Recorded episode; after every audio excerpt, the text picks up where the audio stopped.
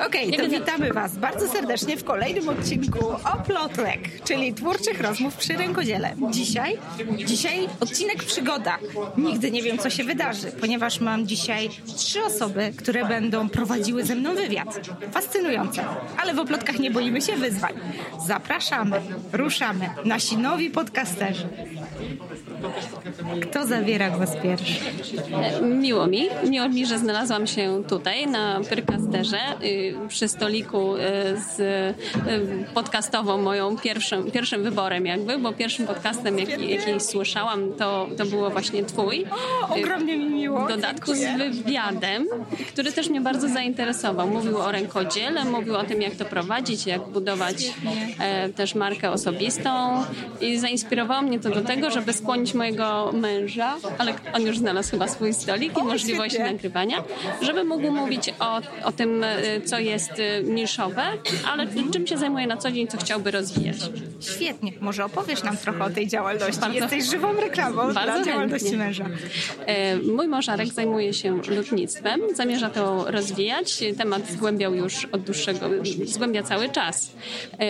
I zajmuje się też, tym też od, od dawna, ale na łamach właśnie swojego podcastera mógłby odpowiadać na wątpliwości, pełnić rolę takiego eksperta, Świetnie. może bardziej też dostępnego dla innych osób. Świetnie. Uważam też, że takie aktywności mm, y, troszeczkę, może to by była też taka fajna furtka, nie, nie taka aktywność ekspercka na blogu. Dokładnie. Ale właśnie y, ma też dar bycia w kontakcie słownym, mówienia ciekawych rzeczy, więc myślę, że to byłoby też dla niego fajne. Świetnie. Ja nie chcę tu za dużo obiecywać, ale myślę, że były świetnym gościem solowego odcinka, więc chyba musimy go zaprosić do naszego stolika, a jeżeli nie, dziękuję. to na kolejny odcinek, żeby go nagrać ponownie. Bardzo Ci dziękuję, bardzo cenne informacje. A kogo mamy jeszcze przy stoliku? Witam bardzo serdecznie. Ja nazywam się Ewelina Jasik i jestem tutaj z moim synem. To jest jego debiut, mój również, jeżeli chodzi o podcasty. E, zajmuję się coachingiem, e, działam według idei NVC Porozumienia bez przemocy i e, szerzę mm, takie trendy również w domu, stąd obecność mojego syna tutaj dzisiaj. Chciałabym, żeby ze mną jeździł, słuchał, byliśmy kiedyś na konwencie rozwoju. Świetnie. E, i, I dzisiaj jesteśmy tu na Pyrkasterze, to jest mała Pyrka, jako jedyny z rodziny urodził się tutaj w Poznaniu, bo nie pochodzimy stąd. Niemniej jednak jesteśmy bardzo mile mm, zaskoczeni tym, że jest okazja do nagrania podcastu. Widzę w tym szansę dla również budowania marki osobistej. Świetnie. Świetnie. Ja tylko dopowiem dla naszych słuchaczy, bo może są osoby, które jeszcze z terminem NVC się nie spotkały. To jest porozumienie bez przemocy. Ale co ja się będę wymączać? Mamy tutaj eksperta. Opowiedz nam trochę więcej. Non-violent communication jest to idea stworzona przez e, Marszala Rosenberga.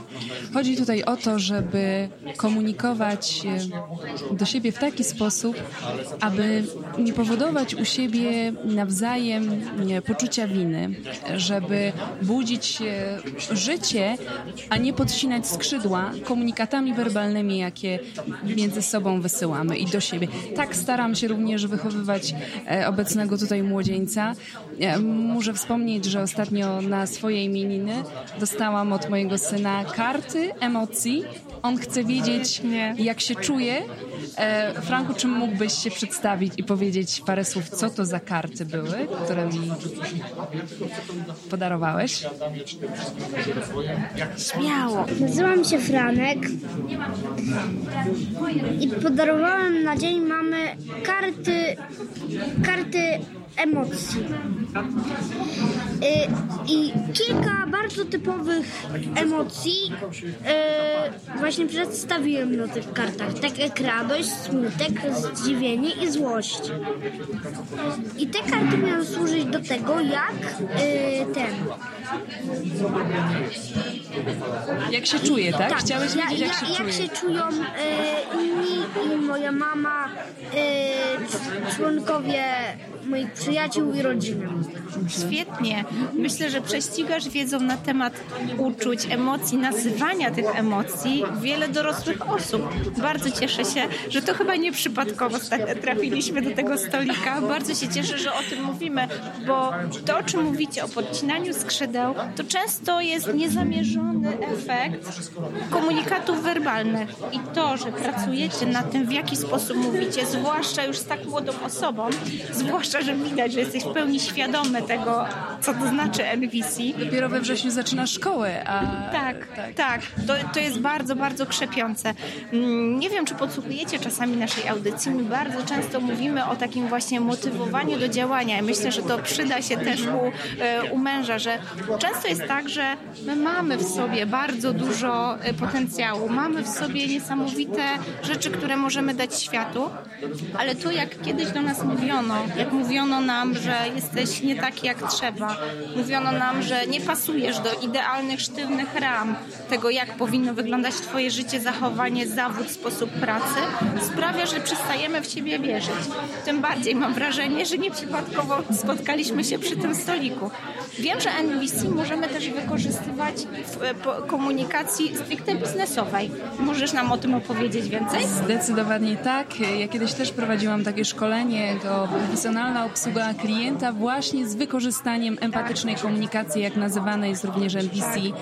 Mm, Chodzi o to, żeby wejść w buty klienta, tudzież naszego kontrahenta, nie starać się na siłę przedstawić konkretnego produktu bądź też usługi, ale przede wszystkim zbadać jego potrzeby.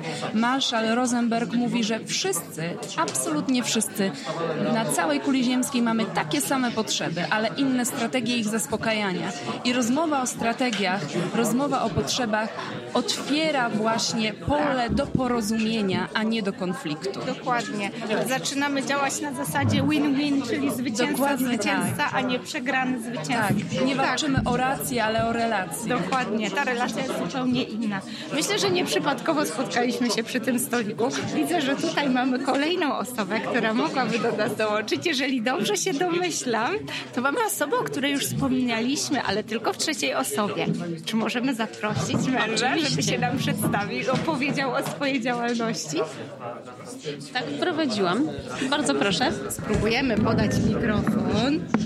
No i myślę, że taka gratka, która nam się tutaj trafiła, po raz pierwszy w podcaście o plotki pan, który jest rękodzielnikiem, bo panów jako gości mieliśmy już w podcaście, ale nie udało mi się jeszcze złowić kogoś, kogo można nazwać rzemieślnikiem, rękodzielnikiem, ale co ja będę gadać? Poprosimy naszego gościa, aby sam się przedstawił. Cześć, mam na imię Jarek. Zajmuję się lotnictwem, ale nie takim szeroko e, rozumianym, e, czyli tak jak mamy w tradycji w Polsce lotnictwa skrzypcowego czy lotnictwa e, instrumentów smyczkowych, ale wybraną taką wąską dziedziną tego lotnictwa w, zakresie gitary klasycznej. Celowo podkreślam gitary klasycznej, bo mamy jeszcze wiele, wiele odmian gitar Tak. od akustycznych na elektrycznych skończywszy, mandolin i tak Także jest to dosyć e, niszowy, Bardzo, powiedziałabym bardzo. znaczy, ba, więcej niż bardzo niszowy, e, nie wiem, Zawód, pasja, zawód, pasja, tak, zawód, pasja. E, no, nie wiem do czego to porównać nawet. E, chciałem porównać do Roberta Kubicy, który jako jedyny Polak jeździ Formule 1, ale jest nas trochę więcej. E, przynajmniej no, kilkunastu w Polsce, którzy się tym zajmują. E, każdy jakąś tam swoją drogę przeszedł, żeby, e, żeby zaistnieć na, na rynku lotniczym. E, I e, no i próbuje swoich sił, prawda? To dobrze wiedzieć, że mamy takiego speca w Poznaniu. A skąd to w ogóle się wzięło? Skąd taki pomysł na, na życie, pasja? E, trudno powiedzieć. E, często do nas wracają pewne tematy.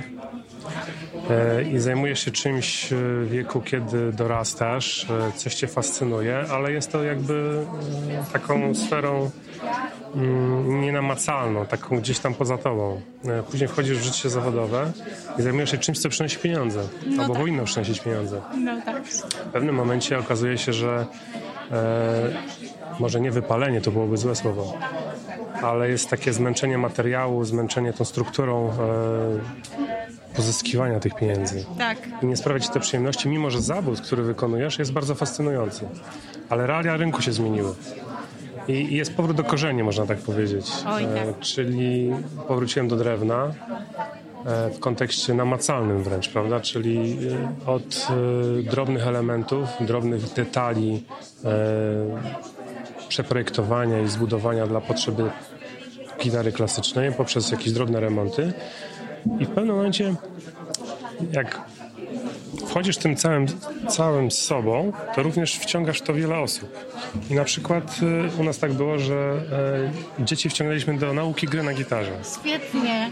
E, I ten proces się zaczął tak troszeczkę e, rozszerzać e, u mnie pod kątem gitarystyki, lutnictwa gitarowego, a u dzieci poprzez edukację, która pomogła im też zrozumieć e, wiele innych aspektów. Otworzyć się czasami na swoje środowisko i pokazać, że potrafią coś innego niż tylko kizianie palcem po monitorze Tak. e, lub czytanie tych samych oglądanie tych samych e, filmów.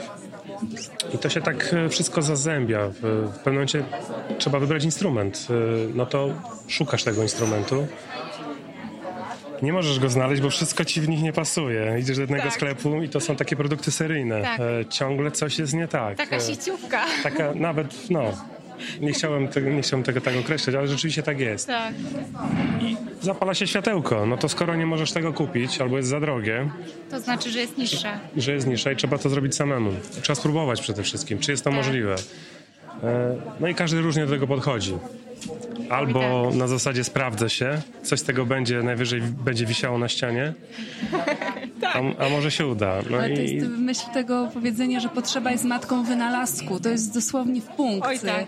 tylko w moim przypadku nie jest to wyważanie otwartych drzwi, ani wchodzenie z drewnem do lasu, Jasne. e, tylko powielanie jakby odtwórstwo, można powiedzieć, Od, odtwarzanie bardzo dobrych standardów czy też schematów, które niestety w tradycji polskiej nie istnieją, ponieważ my nie mamy tradycji lutnictwa gitarowego tak szeroko rozumianego jak na przykład lutnictwa skrzypcowego, gdzie mamy wybitne nazwiska, na przestrzeni ostatnich 200 czy tam 150 lat mamy rody lutnicze 4-5-pokoleniowe w Polsce, które cały czas kultywują tą tradycję, e, nazwijmy to rzemiosła artystycznego, a jednak w lutnictwie gitarowym nie mamy faktycznie nic. Jeżeli pojawiają się jakieś in, indywidualności, to one funkcjonują i znikają same jakby z końcem swego bytu, można powiedzieć, czy pójściem na emeryturę.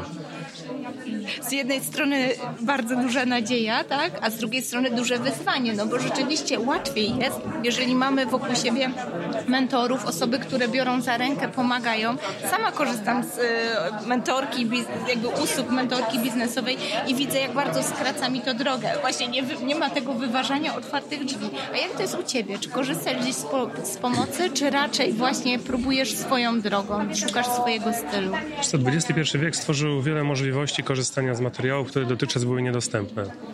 E, dosyć hermetyczne społeczeństwo polskie e, jest jakby troszeczkę pozbawione chęci, mm, chęci czy też mm, możliwości dzielenia się swoją wiedzą, taką wiedzą skrywania tajemnic, może to tak nazwę. E, a tak naprawdę nie są to żadne tajemnice.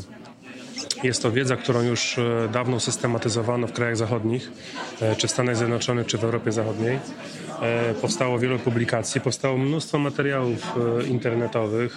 Każdy, tak jak w podcaście dzieli się swoją pasją, to również dzieli się na kanałach typu YouTube e, całym procesem budowy od początku do, do, do końca. Oczywiście nie wszystko jest tam pokazane. Tak. I żeby wyłapać te wszystkie smaczki, trzeba to obejrzeć wielokrotnie, wgłębić się w literaturę, poznać kilku lutników, choćby skrzypcowych, z którymi można porozmawiać, e, którzy za czwartym, piątym razem będą chcieli się podzielić Tak, jakąś odrobiną tajemnicy. Tak. która tak naprawdę nie jest tajemnicą. To jest tylko, tylko albo aż e, doświadczenie, duże doświadczenie. No i tyle chyba. No, czyli godziny przed, e, przed monitorem, e, godziny w literaturze, e, próba dotarcia do osób, które coś wiedzą i potrafią to wyjaśnić, bo intuicja to nie wszystko. Trzeba jeszcze przekuć na powtarzalność. Oj tak. No i tak to mniej więcej wygląda. Nie ma się tak naprawdę od kogo tego nauczyć, więc trzeba e, stanąć na głowie, żeby pozyskać informacje skąd się tylko da. I twórczo je przetwarzać. Dokładnie. Gratuluję. Naprawdę świetne, świetnie, że na siebie trafiliśmy. Muszę bardzo podziękować żołnierzy. Rzeczywiście to jest żywy dowód na to, że format podcastowy łączy ludzi w taki zupełnie niecodzienny sposób. Nie wyobrażam sobie, że mogłybyśmy jakby nawiązać taką relację troszeczkę jednostronną, ale że mogłaby wytworzyć się na tyle duża bliskość, żebyście chcieli przyjść właśnie na Percastera po to, żeby porozmawiać, żeby móc pomyśleć o podcaście jako narzędziu do propagowania swojej bardzo, bardzo niszowej wiedzy. Ja myślę, że to jest świetna nisza i będę bardzo trzymać kciuki. A wiecie, kobietom wciąż się nie odmawia, więc jeżeli dzisiaj po, po, poweźmiesz tą decyzję, żeby zacząć podcast, no to myślę, że nie ma odwrotu. Zobaczymy. No, y, próby pewnie będą.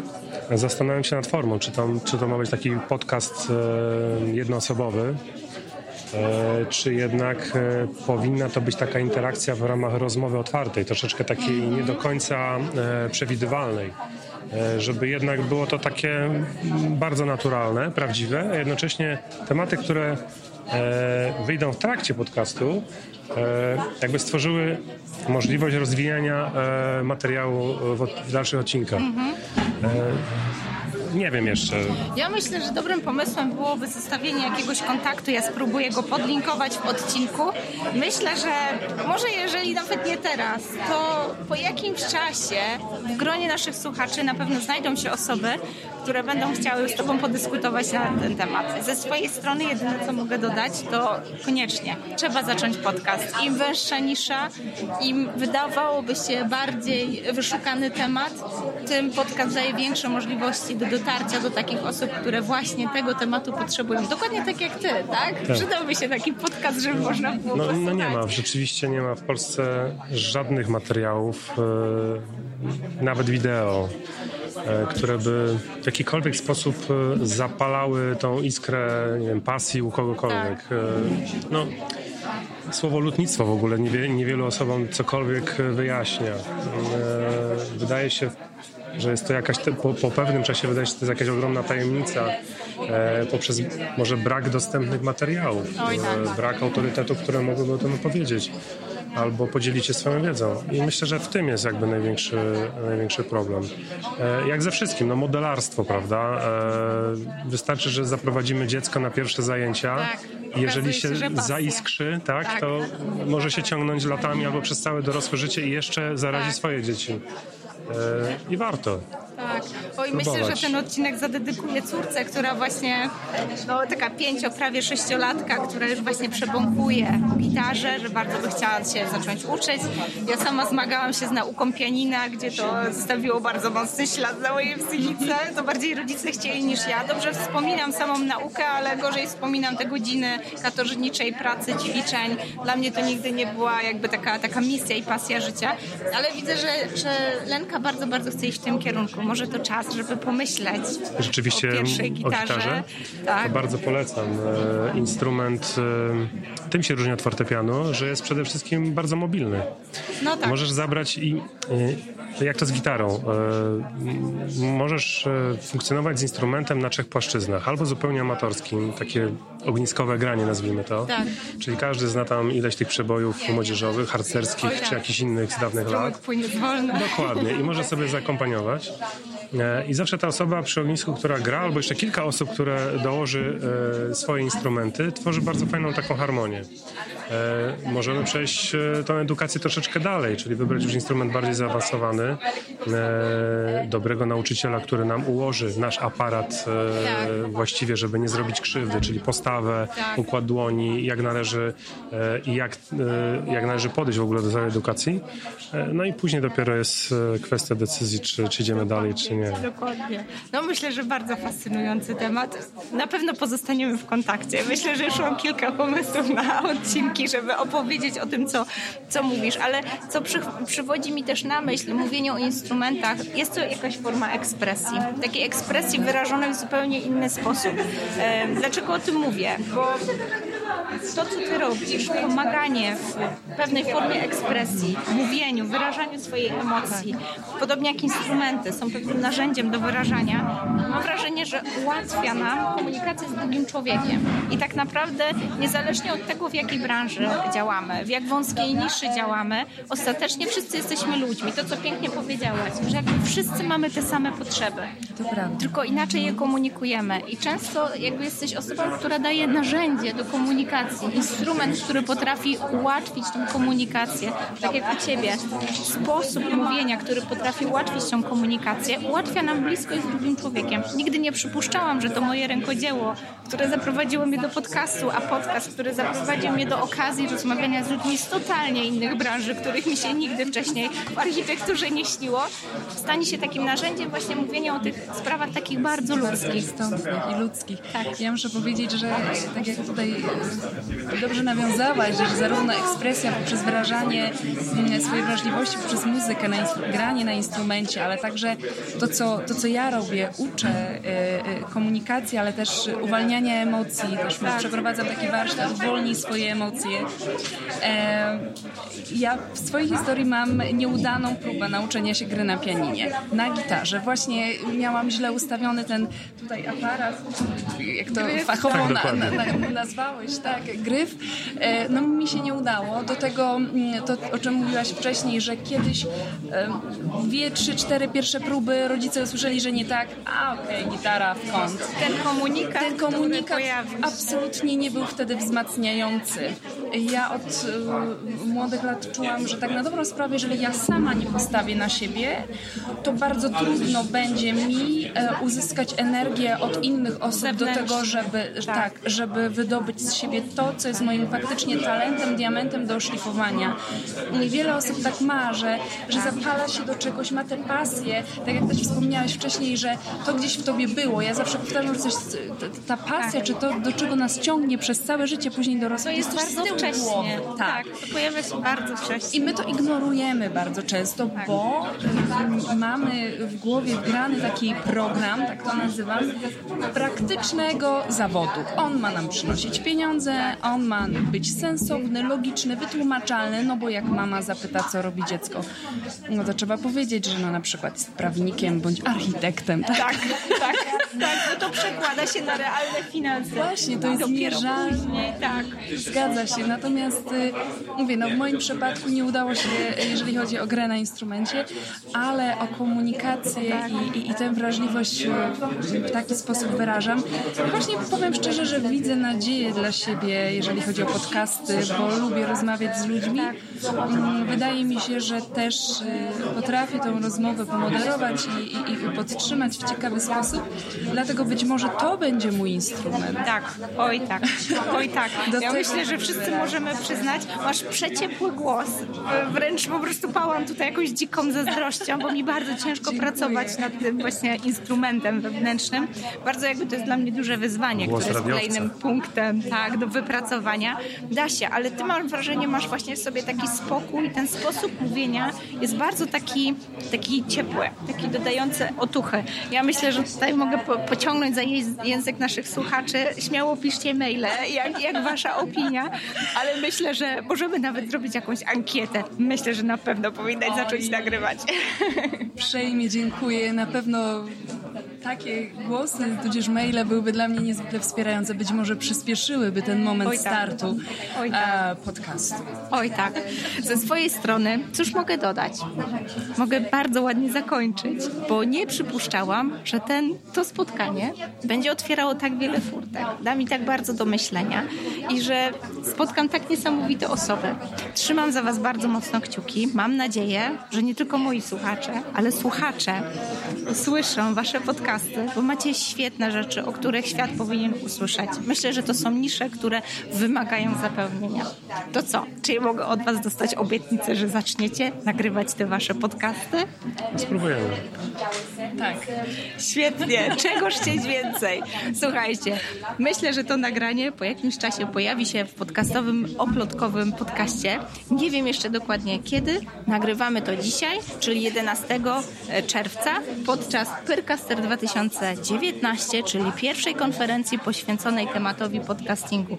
Mam nadzieję, że od tej daty za rok spotkamy się już w gronie trzech podcasterów, nie tylko jednej. Do usłyszenia. Do usłyszenia.